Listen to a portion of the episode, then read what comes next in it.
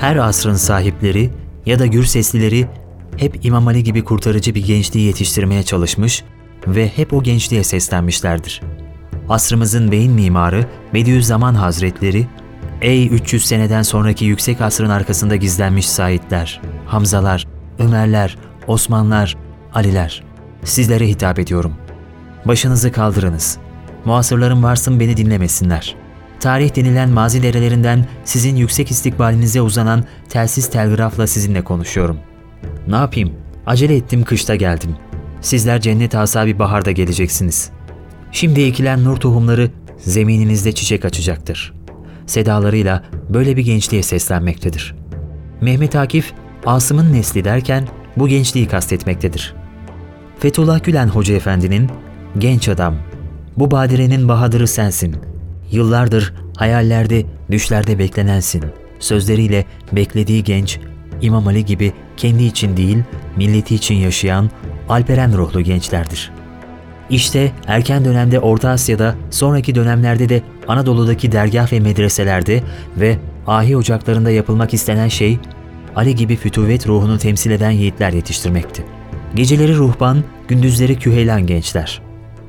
Ruhu bu dergahlarda yoğrulan gazi dervişlerin rüyalarını süsleyen kahramanlar İmam Ali'dir, Hasan'dır, Hüseyin'dir. Gül Bankı Muhammed'i okuyarak düşman üzerine yürüyen Yeniçeri'nin peşinden gittiği büyük komutan yine Hazreti Ali'dir. Bugün Nevşehir'de Hünkâr Hacı Bektaş, Konya'da Mevlana, Ankara'da Hacı Bayram, Bursa'da Emir Sultan gibi maneviyat dünyasının hiç sönmeyen kandilleri, kendi döneminin insanlarını uyandırdıkları gibi günümüz insanlarını da uyarmasını bilen büyülü nefeslerdir.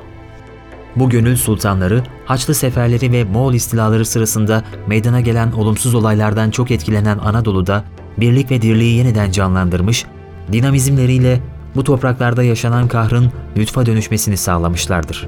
Savaşın hayatı kuşattığı bir zaman ve iklimde Anadolu'nun her bir köy ve kasabasına yerleşen bu hak dostları kandil kandil Anadolu'yu aydınlatarak harabelerden akan billur ırmaklar gibi kurak toprakları sulamışlardır. Anadolu'ya geldiklerinde elde avuçta bir şeyleri yoktu. Lakin gönüllerinde getirmişlerdi bütün varlıklarını. Onlar sebil sebil saçmışlardı bütün cevherlerini. Bilgi olarak, sanat olarak, zanaat olarak. Her yanda ışıl ışıl medreseler, tekkeler kurmuşlar, şehirlerin maddi yapıları harap olurken manevi yapıları imara durmuştu. Bu hak dostları sayesinde Türkler sadece İslam'ı kabul etmekle kalmamış, aynı zamanda bu iki asır içerisinde Haçlılara karşı bütün İslam aleminin Yılmaz savunucuları konumuna yükselmişler ve yüzyıllarca bu ulvi görevi ifa etmişlerdir. Bu muhteşem gelişmede çok önemli rol oynayan tasavvuf, Osmanlı'nın toplum yapısının oluşmasına da zemin hazırlamıştır. Onun içindir ki bizler Büyük Asya'ya medyunuz. Zira ışığın doğduğu topraklar olan Büyük Asya bizi besleyip büyütmüş ve Anadolu'ya askerliğe göndermiştir. Shelley, zincirlerini kıran Prometes'inin maşukasına Asya der. Asya bizim sevdamızdır, sevgilimizdir. Yakın bir zamanda demir perde yıkılacak ve binlerce Anadolu alpereni o bereketli topraklara koşacaktır. Her nimet kendi cinsinden şükür ister. Rabbimiz bize hidayet ederek ihsanda bulunmuştur. Bunu başka şeyle ödeyemeyiz. Yakın bir zamanda bir vefa borcu olarak günümüzün modern muhacirleri soylarımızın, sanatlarımızın, medeniyetimizin ve dinimizin beşiği olan o bereketli topraklarda alın yazılarımızın anahtarını aramaya koşacaklardır. Bunu biz görmesek bile sohbeti dinleyen şu çocuklar görecektir. Her sıkıntı bir inşiraha vesiledir.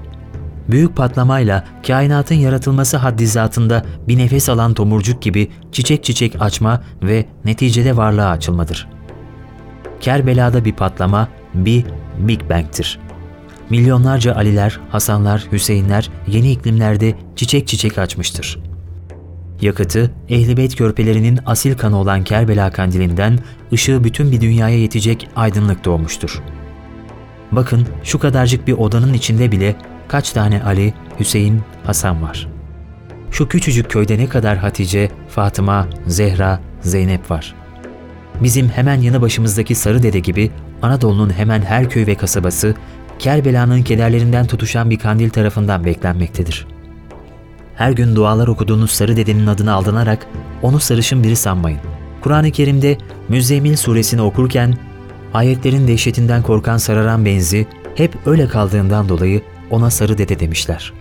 Sarı Dede'nin zayıf, ufak tefek vücuduna karşın çok çalışkan olması, temizliği, intizamıyla dikkat çekmesi, hele hele büyük küçük herkesi sevmesi onun önde gelen meziyetlerindenmiş. Kahvede şurada burada ona bir şey sorarlarsa cevap verir yoksa hep sükut içinde dururmuş. Konuştuğunda insanların en çok helal lokmaya dikkat etmelerini ister, Allah'ın insanlardan istediği her şeyi önce kendi yaşarmış. Allah'ı çokça anmayı, halka yumuşak davranmayı, hayvanlara şefkatli olmayı, sabrı tavsiye edermiş. Köyde bir gün, bir önceki gün öğle üzeri çıkan kar fırtınası o gün sabah vaktine kadar devam etmiş. Sokaklar, caddeler diz boyu karla örtülmüş. Daha evvelki yıllarda görülmeyen bir kış geçiriyormuş köylüler. O gün sabah ezanını yanık sesiyle okuyan Sarı Dede'nin sesi, daha evvel fırtınanın kükremeleriyle uyanmış tüm köylüler tarafından duyulmuşsa da imam dahil hiç kimse camiye gitmeye cesaret edememiş. Sarı Dede beklemiş, beklemiş, bakmış gelen yok. Gelmesi gerekenlerin gelmeyişlerinden kendisini sorumlu tutan Sarı Dede camiden çıkarak yüzü camiye doğru arka arkaya birçok istikamette gelmiş gitmiş. Yerde bıraktığı ayak izleri camiye namaz kılmaya gelen birçok insan varmış gibi bir intiba uyandırsın arzu etmiş.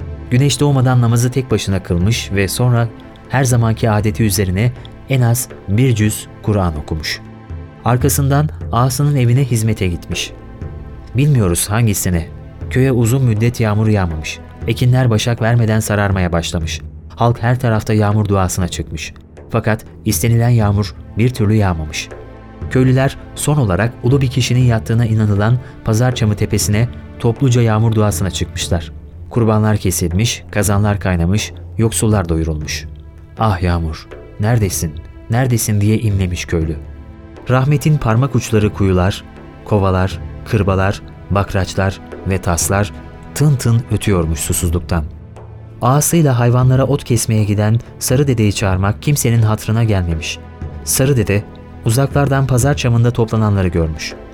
Gökyüzü berrak mı berrakmış. Tek bulut yokmuş. Sarı Dede dikenlerin, çalıların, çırpıların arasında kendi kendine konuşmaya başlamış. Ya Rabbi, sen onların kusuruna bakma. Gafildirler, cahildirler ama gene de senin kulundur onlar. Sen onların kusuruna bakma ya Rabbi. İstedikleri yağmuru veriver, demiş. O sırada ona fark ettirmeden dinleyen ağasını unutmuş. Sarı dedenin dudakları her kıpırdadığında önce bir serinlik, sonra ocak gibi parlak, şeffaf gökyüzünde yağmur bulutları toplanmaya başlamış.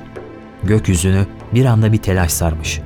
Bulutlar oradan oraya koşmaya, gökler şaha kalkmış küheylanlar gibi kişnemeye başlamış. Ne gariptir ki bulutlar her yönden kollarını açmış, Sarı Dede'nin bulunduğu yere doğru gelmeye başlamış. Yerden yükselen niyazlara cevap vermiş gökler. Gözlerden yere düşen damlalara özenerek ağlamaya durmuş bulutlar. Derken bereketli, feyizli bir yağmur çiseleyerek yalnız Sarı Dede'nin ve ağasının bulunduğu bölgeye yağmaya durmuş. Sarı Dede ve ağa köye koşmuşlar. Bulutlar da onları takip etmiş. Önce damla damla, sonra ahırlardan boşanmış atlar gibi dolu dizgin bir şakırtıyla bir gürültü kopmuş ki aman Allah'ım. Kazanlar, kuyular dolmuş, dereler taşmış, dağ taş ıslanmış. Pazar çamında toplananlar manzarayı görmüşler ama bir mana verememişler. Ağa Sarı Dede'ye Bugüne kadar sen ırgat, ben ağaydım. Bugünden sonra sen ağa, ben ırgatım demiş. Demesine demiş ama Sarı Dede'nin sarı benzinin biraz daha sararmış olduğunu fark etmiş. Sarı Dede ağasından izin istemiş. Ağa bırakmak istememiş. Sarı Dede ısrar etmiş. Helalleşip ayrılmışlar.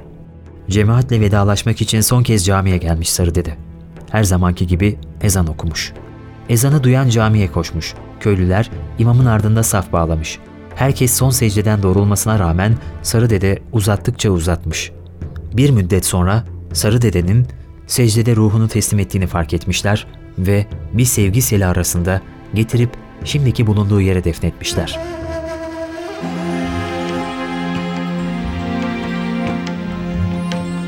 Derviş odasında gece sessiz bir nehir gibi akıp gidiyordu. Mehmet Hoca ağlamaklı bir halde 12 günden beri süren matem akşamları burada son buldu dedi. Emektar soba söndü sönecekti. Arada bir yüreğindeki közlerin devrilmesiyle küçük bir iki gürültü çıkarsa da son istasyona yaklaşan bir trenin hüznü vardı sesinde.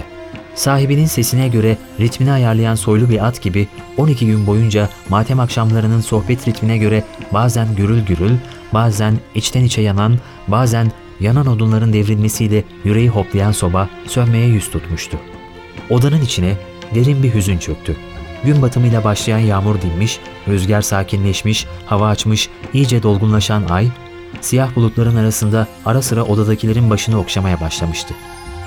Hacı Kadir'in, Bekir Ağa'nın, Kara Mustafa'nın, Kadı İbrahim'in, Kadı Hasan'ın, Seyit Ahmet'in, Aziz amcanın, Emin Şen'in, babam Süleyman Efendi'nin, Niyazi dayının, Deli Mehmet'in, Faik dedenin yüzlerindeki hüzne vuruyordu ay ışığı.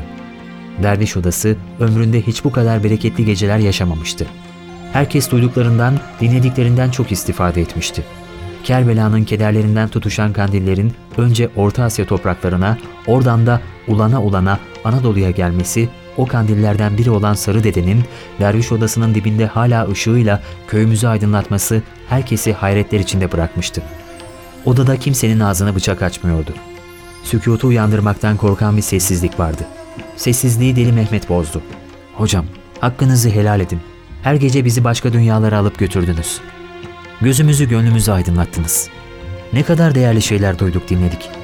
Hazreti Ali'nin rol model genç olduğunu, Hazreti Fatıma'nın kıyamete kadar gelecek kızlarımızın rol modeli olduğunu öğrendik.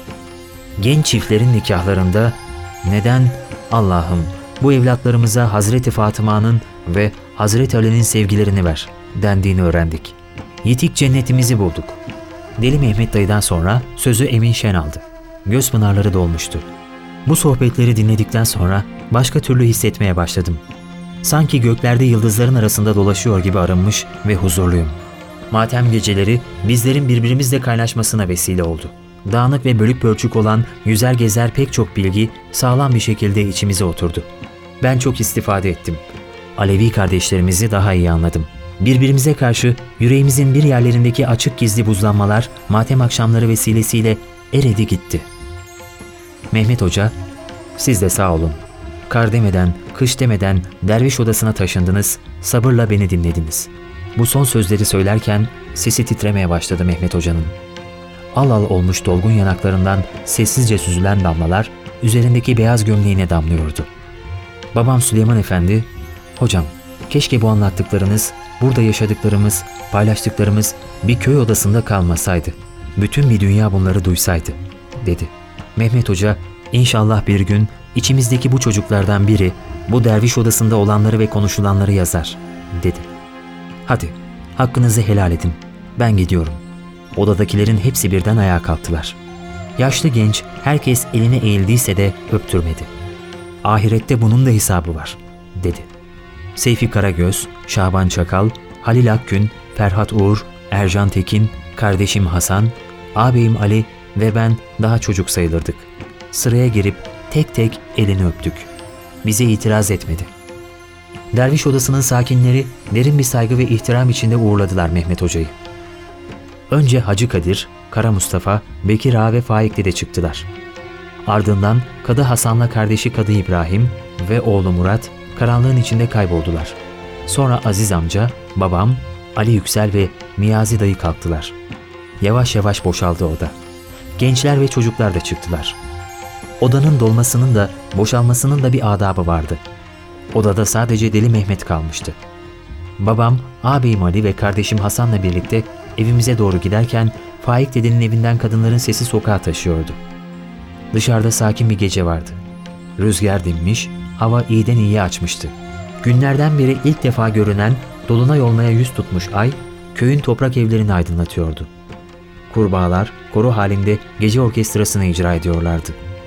Evimizin sokağına dönerken derviş odasının camlarda sönen ışığının dünyanın dört bir yanına taşınmak üzere çocuk ruhlarımızda yandığını duyuyordum.''